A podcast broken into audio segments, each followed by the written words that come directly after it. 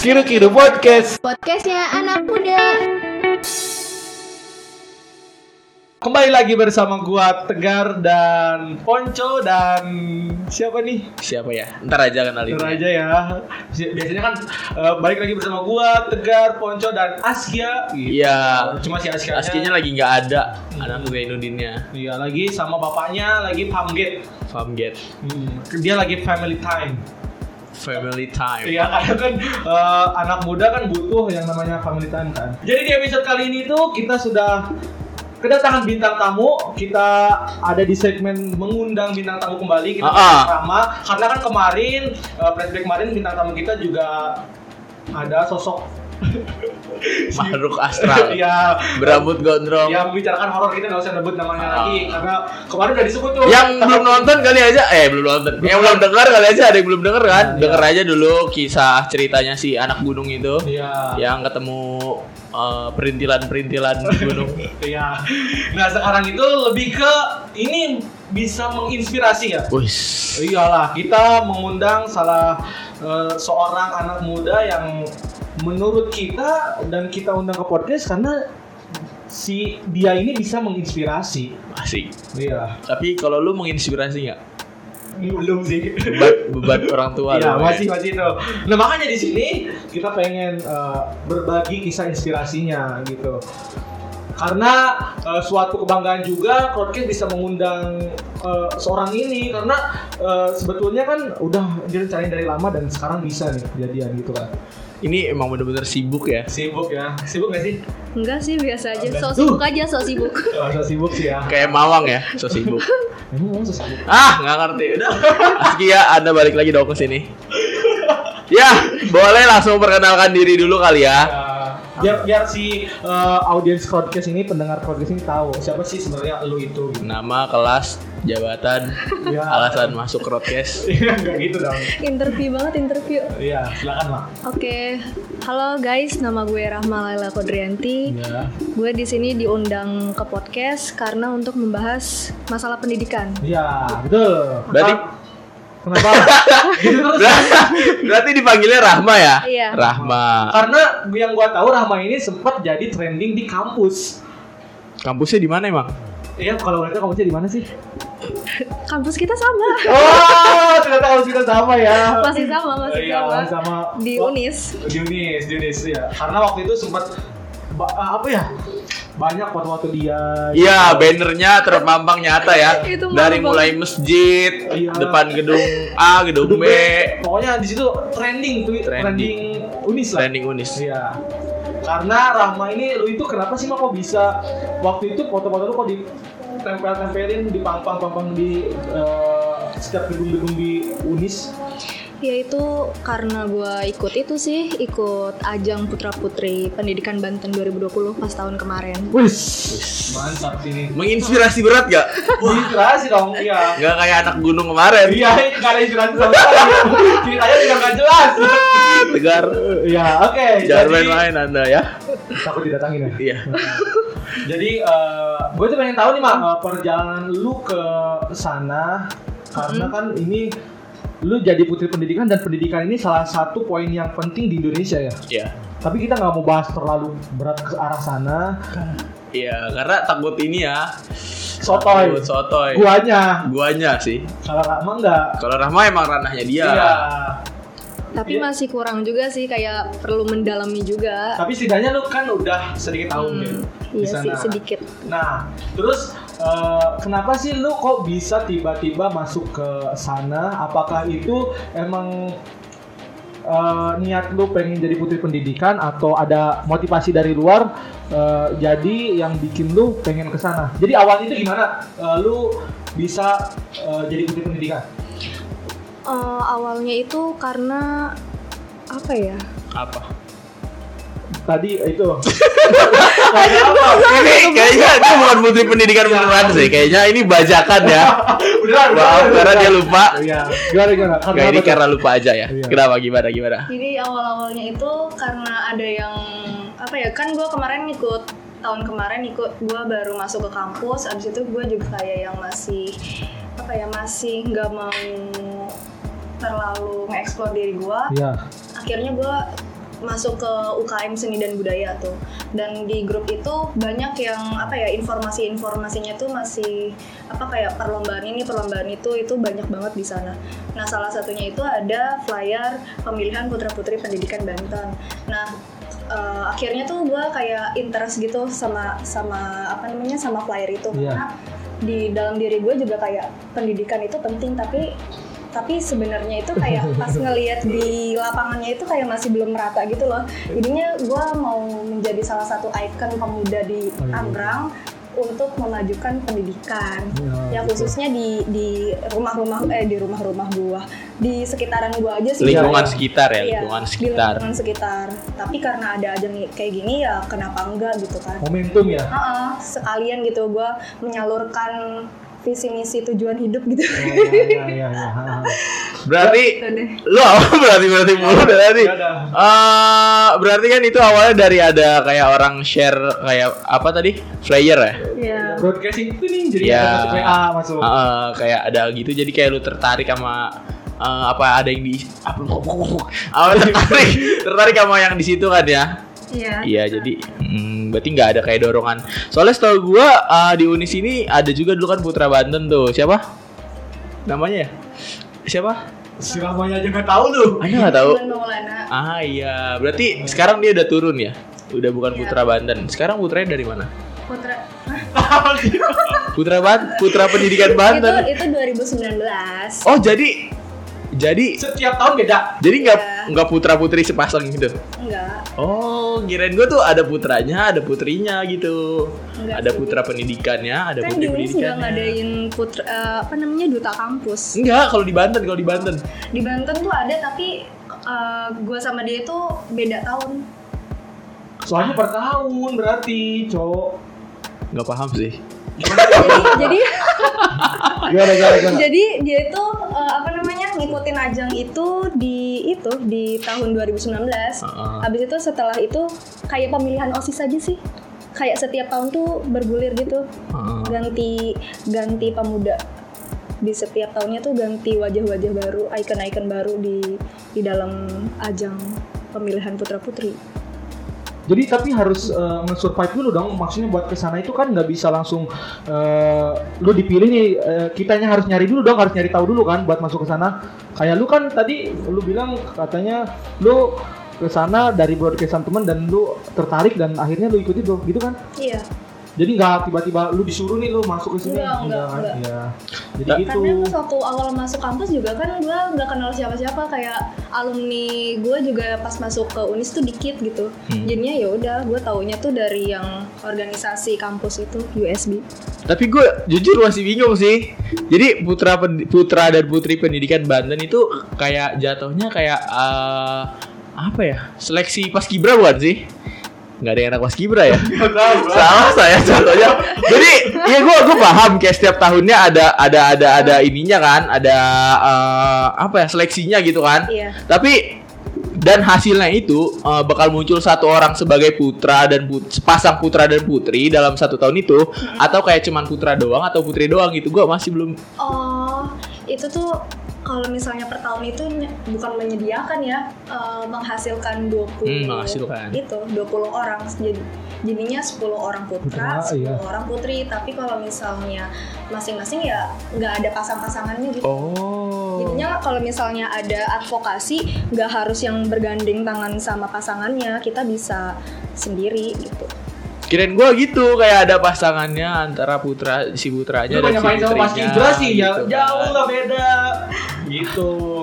gitu Iya. ya Terus eh, kan tadi udah nih eh, kayak lu itu kan berarti dari kemauan lu sendiri kan mak dari lu cari-cari itu dan lu tertarik akhirnya lu bisa tuh ke sana masuk. Hmm, Tapi di situ pasti ah, ada proses kan, nggak mungkin lu langsung jadi, nggak Iya, mungkin iya, langsung instan. Nah proses untuk ke sana lu itu kayak gimana sih?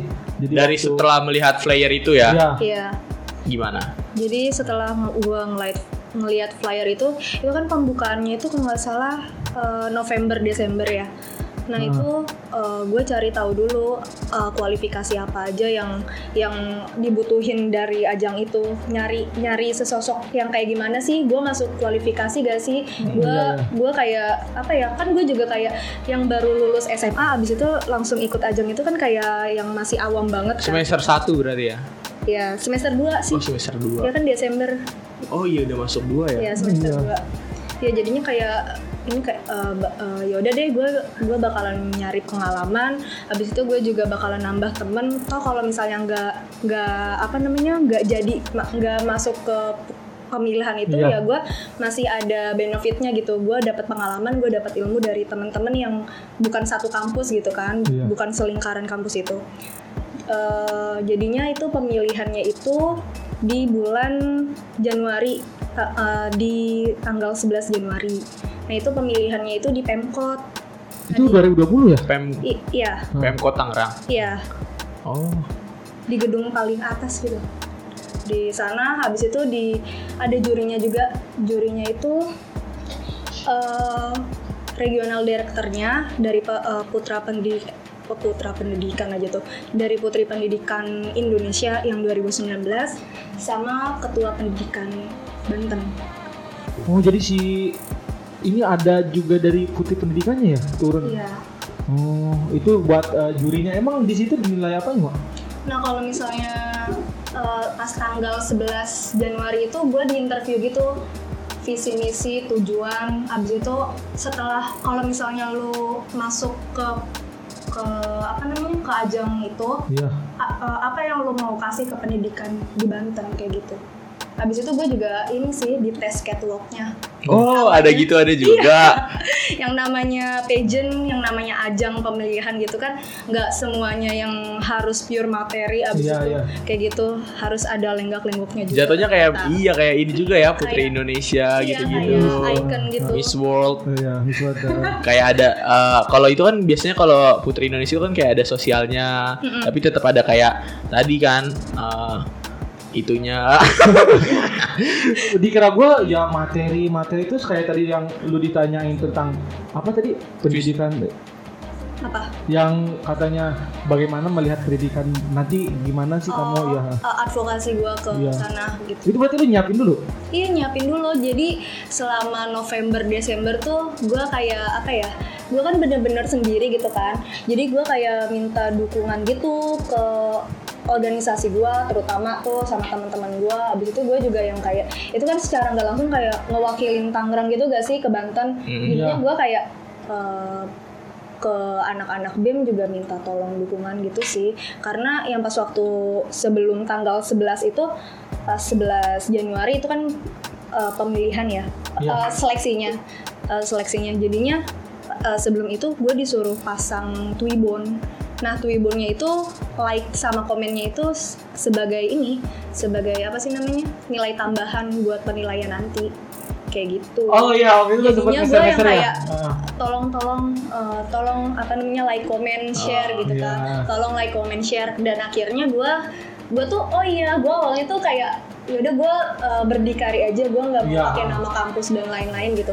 Tapi ternyata gue salah nah tanpa kampus gue bukan apa-apa anjir oh jadi di situ ada bantuan juga ya ya itu ada bantuan dari eh, yayasannya dan dari eh, bem universitasnya bem bem lain juga Mungkin kalau jadi lu- mendukung gue Iya mungkin kalau lu berdikari ceritanya beda lagi kali ya. iya beda lagi berdikari ini bis ya. Bis berdikari. iya, iya. berdikari. Lu tahu gak sih katanya apa? Apa? Emang lu gak tahu? Enggak. Ya ampun berdiri di kaki sendiri.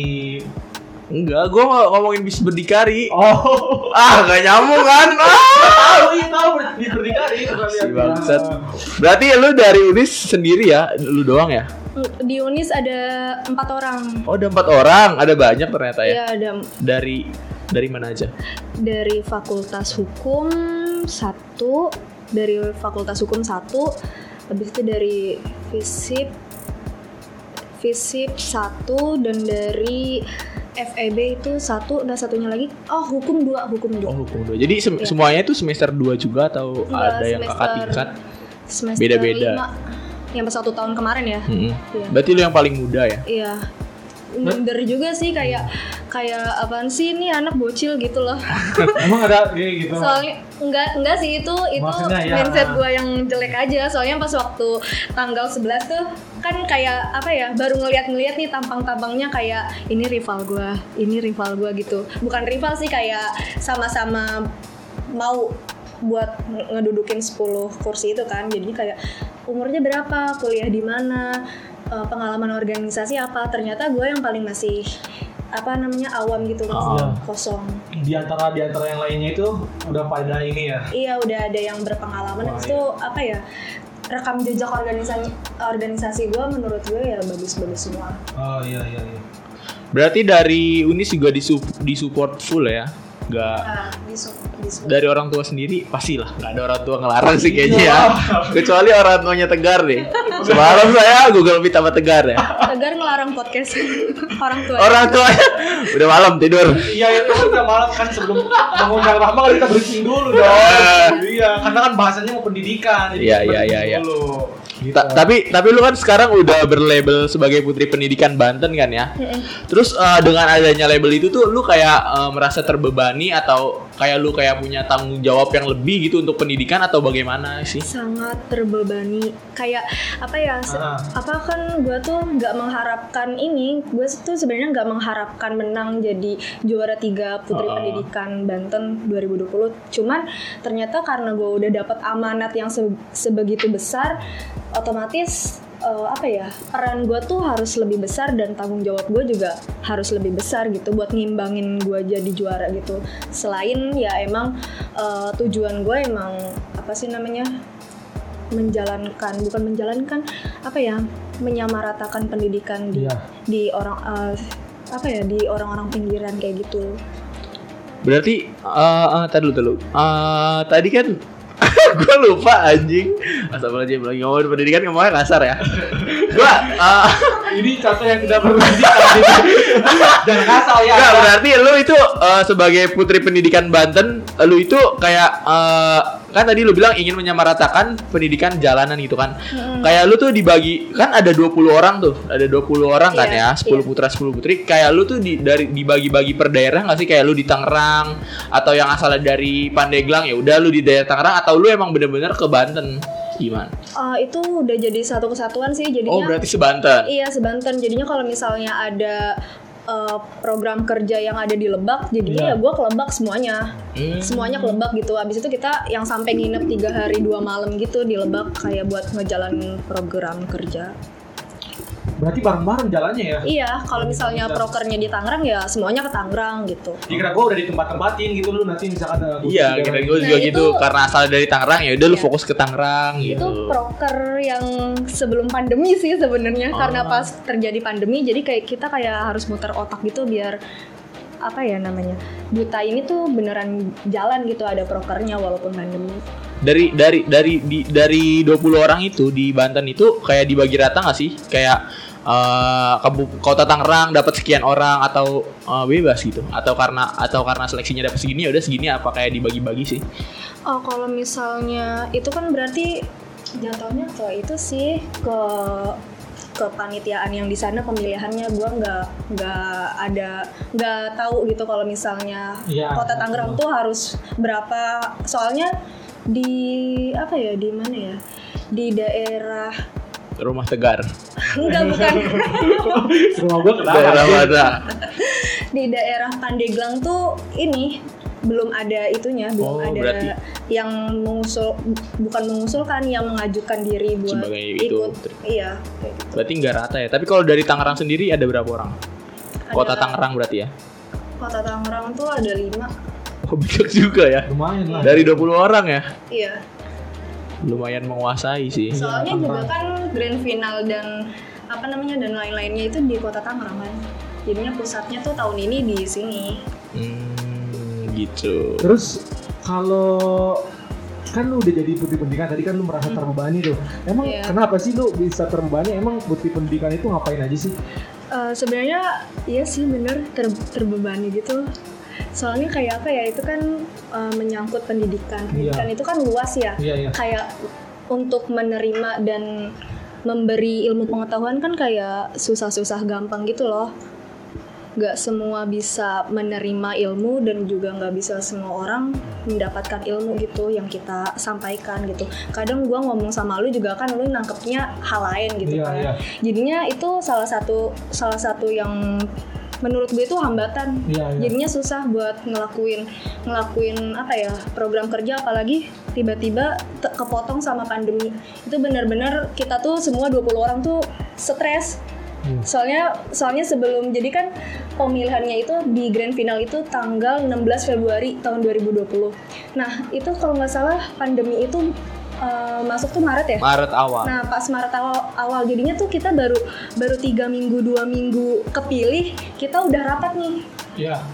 Rahma, lu ada proker apa buat buat apa namanya buat pendidikan di Banten? Lu ada proker apa buat pendidikan Banten? Ini gua ada proker ini nih, Uh, gua ada fun learning untuk teman-teman yang belum memperoleh pendidikan yang layak. Nah gue bilang kayak gitu. Ada juga uh, dari ketua dari ketua gua itu bilang kita harus membuat ini, kita harus membuat taman baca Nah, itu kan kayak berkesinimba- kesinambungan kan antara proker 1 sama proker 2 gitu karena tujuan kita tuh sama sebenarnya Iya, ke iya. arah pendidikan Banten.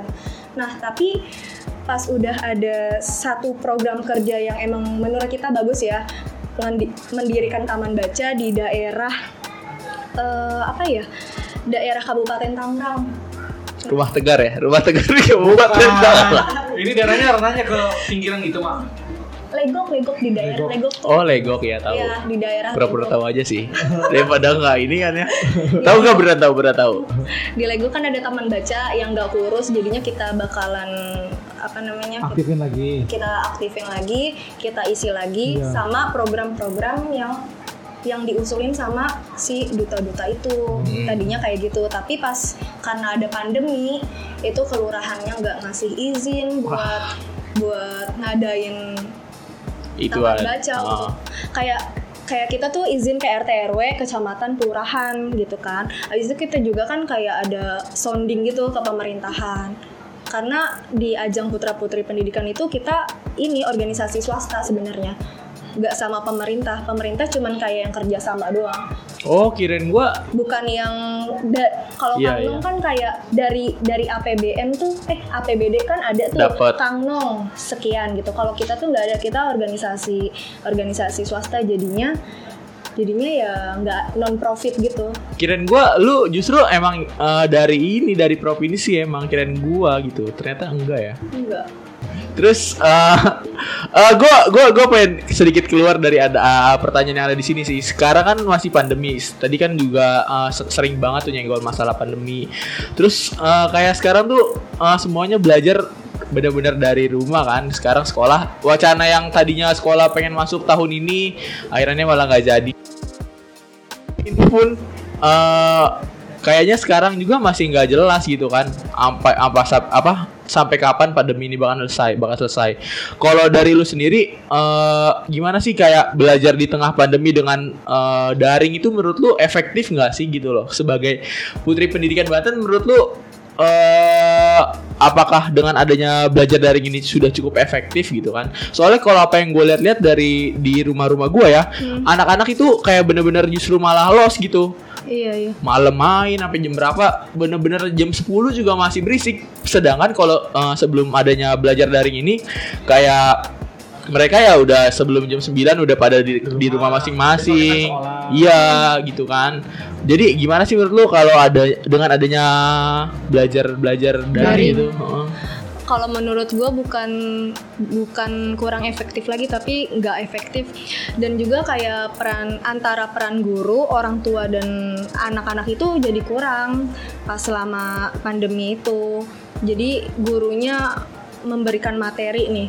Tapi ya ada kurangnya kurangnya peran orang tua karena mungkin kerja ah atau dia mungkin apa ya peranan ibu kan nggak cuman ngurusin anak ya kayak beres-beres rumah dan lain-lain gitu. Apalagi kalau misalnya orang tuanya dua-duanya kerja itu anaknya itu kayak apa ya maaf banget kayak kurang bimbingan gitu dari orang tuanya. Karena banyak banget di lingkungan gua atau lingkungan teman-teman gua itu yang dua-duanya orang tuanya kerja dan anaknya itu kayak ya udah kita serahin aja ke gurunya buat mendidik mendidik Iya. anak ini. Nah pas sekarang Sekolah pandemi, sekolahnya pandemi, nah gurunya sama muridnya di itu bukan dilepas ya kayak dipisahin gitu anaknya belajar di rumah gurunya ngajar dari rumah itu kayak kurang efektif Iya, karena karena apa ya anak-anak itu kan harus harus ngomong kayak gini harus ngomong tatap muka dia nggak bisa dia nggak bisa yang kayak harus fokus ke tablet atau ke laptop karena menurut gue itu fokusnya anak-anak itu yang harus ada ini loh nak gitu. Iya iya. harus apa ya harus ada chemistry-nya itu secara langsung bukan secara daring. Kalau misalnya daring tuh belum keganggu sama yang anak-anak lain lagi main ah mau ikutan main gitu. Jadinya kurang efektifnya sih di situ Oke, Iya. balik lagi kalau misalkan tadi kan eh, iya, lu kan gua nanya tuh eh, ngapain aja tadi kan udah sempet jelasin berarti di sana kayak waktu itu kan gua kayak ngeliat lu sama anak-anak kecil tuh sebelum ada pandemi itu tuh ngapain sih kayak lu juga jadi ngajar ke mereka anak-anak kecil di sekolah-sekolah dasar atau gimana itu? Uh, oh kalau misalnya sebelum pandemi Iya sebelum pandemi. Nah, kalau misalnya sebelum pandemi itu eh, ada salah satu duta gua itu alumni dari SMA di Pasar Kemis. Nah, dia Rumah gua tuh. Emang ya? Rumah gua pasar komis. itu SMA Istiqomah, Lu tahu nggak? SMP SMA Al Oh, Istiqomah. istek istek ya. Iya. Koma ya tahu tahu. Nah, jadinya kita kayak apa ya? Kan ada salah satu duta gua alumni dari situ. Jadinya dia kayak ibu saya dari duta ingin eh, apa namanya memberikan pembelajaran atau materi ringan untuk apa ya kalau misalnya anak-anak SMK di sana kan rata-rata yang kayak lulus pengen kerja lulus pengen kerja Hmm, gitu betul. kan. Kayak kayak untuk pendidikan tuh di nomor kesekian kan Iya, gitu. jadinya gue sama teman-teman gue kayak ya udah nggak apa-apa kalau misalnya kalian pengen fokus kerja tapi jangan lupa juga sama pendidikan, Di, di di Indonesia itu penting dan itu harus menjadi nomor satu kayak gitu Oke, menurut tuh berarti pendidikan yang kayak tadi lu menemukan bahwa eh, cewek jadi kayak langsung kerja langsung kerja, padahal kan eh, pendidikan salah satu penting ya hal yang penting gitu. Iya. Ada juga nih yang gue sering dengar atau mungkin lu juga pernah dengar yang bilang kalau misalkan kenapa sih eh, ngapain sih katanya kalau cewek itu eh, pendidikannya tinggi tinggi nanti kok ujung-ujungnya juga di dapur. Menurut lu itu kayak gimana sih? Eh, menurut gua itu udah ini sih udah termasuk ke nyampurin urusan orang gak sih? Iya sih. Kenapa emang kenapa? Maksudnya ya prinsip gua tuh pendidikan nomor satu gitu. Iya. Tapi kan gua nggak tahu prinsip ponco pendidikan itu nomor sekian. Eh, ketegar juga kan nggak tahu pendidikan itu nomor sekian. Jadi kalau misalnya ada orang yang ngejudge, "Eh, lu ngapain perempuan tapi eh, ujung-ujungnya jadi rum- eh, ibu rumah tangga. Pun kalau misalnya gua bakalan jadi ibu rumah tangga, gue bakalan ngasih ilmu Iya, ilmu gua, pengalaman gua yang eksperimen-eksperimen gua semasa kuliah itu ke anak gua. Iya iya betul betul betul. betul. Emang ya kayak gitu sih. Jadi nggak ada salahnya kita ngejar pendidikan sampai ke negeri Cina juga Iya. nggak masalah karena pendidikan itu emang bener hal yang penting gitu. Dal- dar- eh, dalam kehidupan sehari-hari pun pendidikan dipakai gitu. Iya iya. Bener sih, bener bener. Soalnya uh, uh, apa ya kata-kata itu sering banget terdengar, tapi kalau yang gue lihat di sekitar lingkungan gue antara didikan orang tua yang berpendidikan dengan orang tua yang tidak itu terlalu kasar bahasanya. Kurang, Kurang, kurang. pendidikannya itu pasti hasil anaknya bakal beda. Iya, Kayak iya. anak yang ini lebih uh, bisa dibilang yang enggak yang orang tuanya kurang pendidikan lebih bandel, tapi kalau yang uh, si pendidikan ini lebih nurut gitu kan kayak beda sih kalau menurut gue juga jadi uh, tapi emang benar itu kan uh, terserah orang ya Uh, gimana sih kayak mungkin kebanyakan juga kayak gitu tuh udah kayak uh, pola pikirnya orang Indonesia ya nggak sih Iya iya. Mindset yang jelek. Iya. ya uh, tapi kalau gue lihat uh, ya begitu enggak ya ha, ya ya ya bener kata lu tadi sama si Rama ini ada korelasinya dong kayak Toh nanti kan kata lu beda tuh orang yang eh, didikannya oleh orang yang terdidik sama orang yang kurang pendidikan Iya, ah, anaknya pasti beda. sudah beda iya jadi kan itu nanti kan bisa lu misalkan ngedidik anak lu kan ya gitu biar nanti kan dia jadi regenerasi lu dong kan Iya Iya, betul. Tapi ya ya nggak nggak nggak harus menyalahkan juga bahwasannya kata-kata dia salah karena emang beda-beda Iya. orang juga beda Iya. pemikiran juga kan. Apalagi kayaknya kalau dipikir-pikir di Indonesia masih banyak yang kayak gitu apalagi di orang-orang yang dalam-dalam sana gitu kan. Orang-orang dalam. Orang dalam. Nyari kerja loh orang dalam. Gue jadi pengen cerita deh. Apa? Gue tuh pernah uh, ngejalanin program kerja di daerah Kabupaten Lebak. Itu pedalaman banget sih. Iya. wortel ya lebak Lobak, goblok, goblok lu. jadi gue di sana tuh itu gue ngajarin kelas 5 sama kelas 6 Hmm. tentang pentingnya toleransi. Nah, pas setelah materi itu dia mau ngerjain ini soal-soal buat UN dan dia ternyata apa ya? Ternyata belum lancar baca. Dan di situ gue kayak Kelas berapa? kelas 5 sama kelas 6. Ya ampun. Jadi kayak semuanya belum lancar baca apa Iya beberapa kayak Ah, kayak apa ya? kayak gue tuh ngelihat ngelihat itu langsung kayak nyata gitu loh. Iya, iya. kan yang pas gue tuh langsung kayak flashback gitu kan ke advokasi gue kalau misalnya gue bakalan eh, apa ya sebagai ikon pemuda di Banten iya. buat menyamaratakan pendidikan di eh, Banten khususnya di eh, lingkungan sekitar gue tapi nyatanya yang pas waktu kemarin gue di Lebak itu gue beneran ngeliat orang-orang bukan orang-orang sih anak-anak yang sekitaran kelas 5, kelas 6 itu yang masih bacanya itu masih gagap gitu, masih masih ngeja gitu. Jadi ka- kalau misalnya gue bandingin sama pendidikan yang di Tangerang, Iya, pendidikan yang ada di Jakarta itu benar-benar ketinggalan jauh, Jauh, ya. dan ada ketimpangan ya. iya dan dan gue ngelihat kurikulum yang di Lebaknya tuh kurikulumnya sama gitu. Jadi mau nggak mau tuh dia yang harus harus gencar buat dapat nilai kayak gitu. Iya, iya. Lu berarti Gitu merasa kayak wah kayak sedih banget gak sih? Iya sedih banget, sedih banget.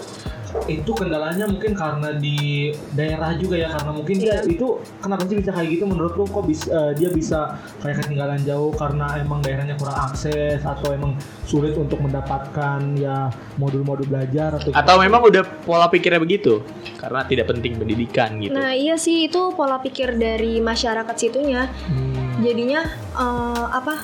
Kan gue nanya ya. Abis biasanya abis sekolah tuh ngapain? Bantu ibu jualan. Oh, kamu cita-cita cita- cita-citanya mau jadi bisnis ya? Enggak kok, nggak jadi bisnis. Terus jadi apa? Nah dia nggak pernah tahu cita-cita dia jadi apa, gitu. Nggak tahu.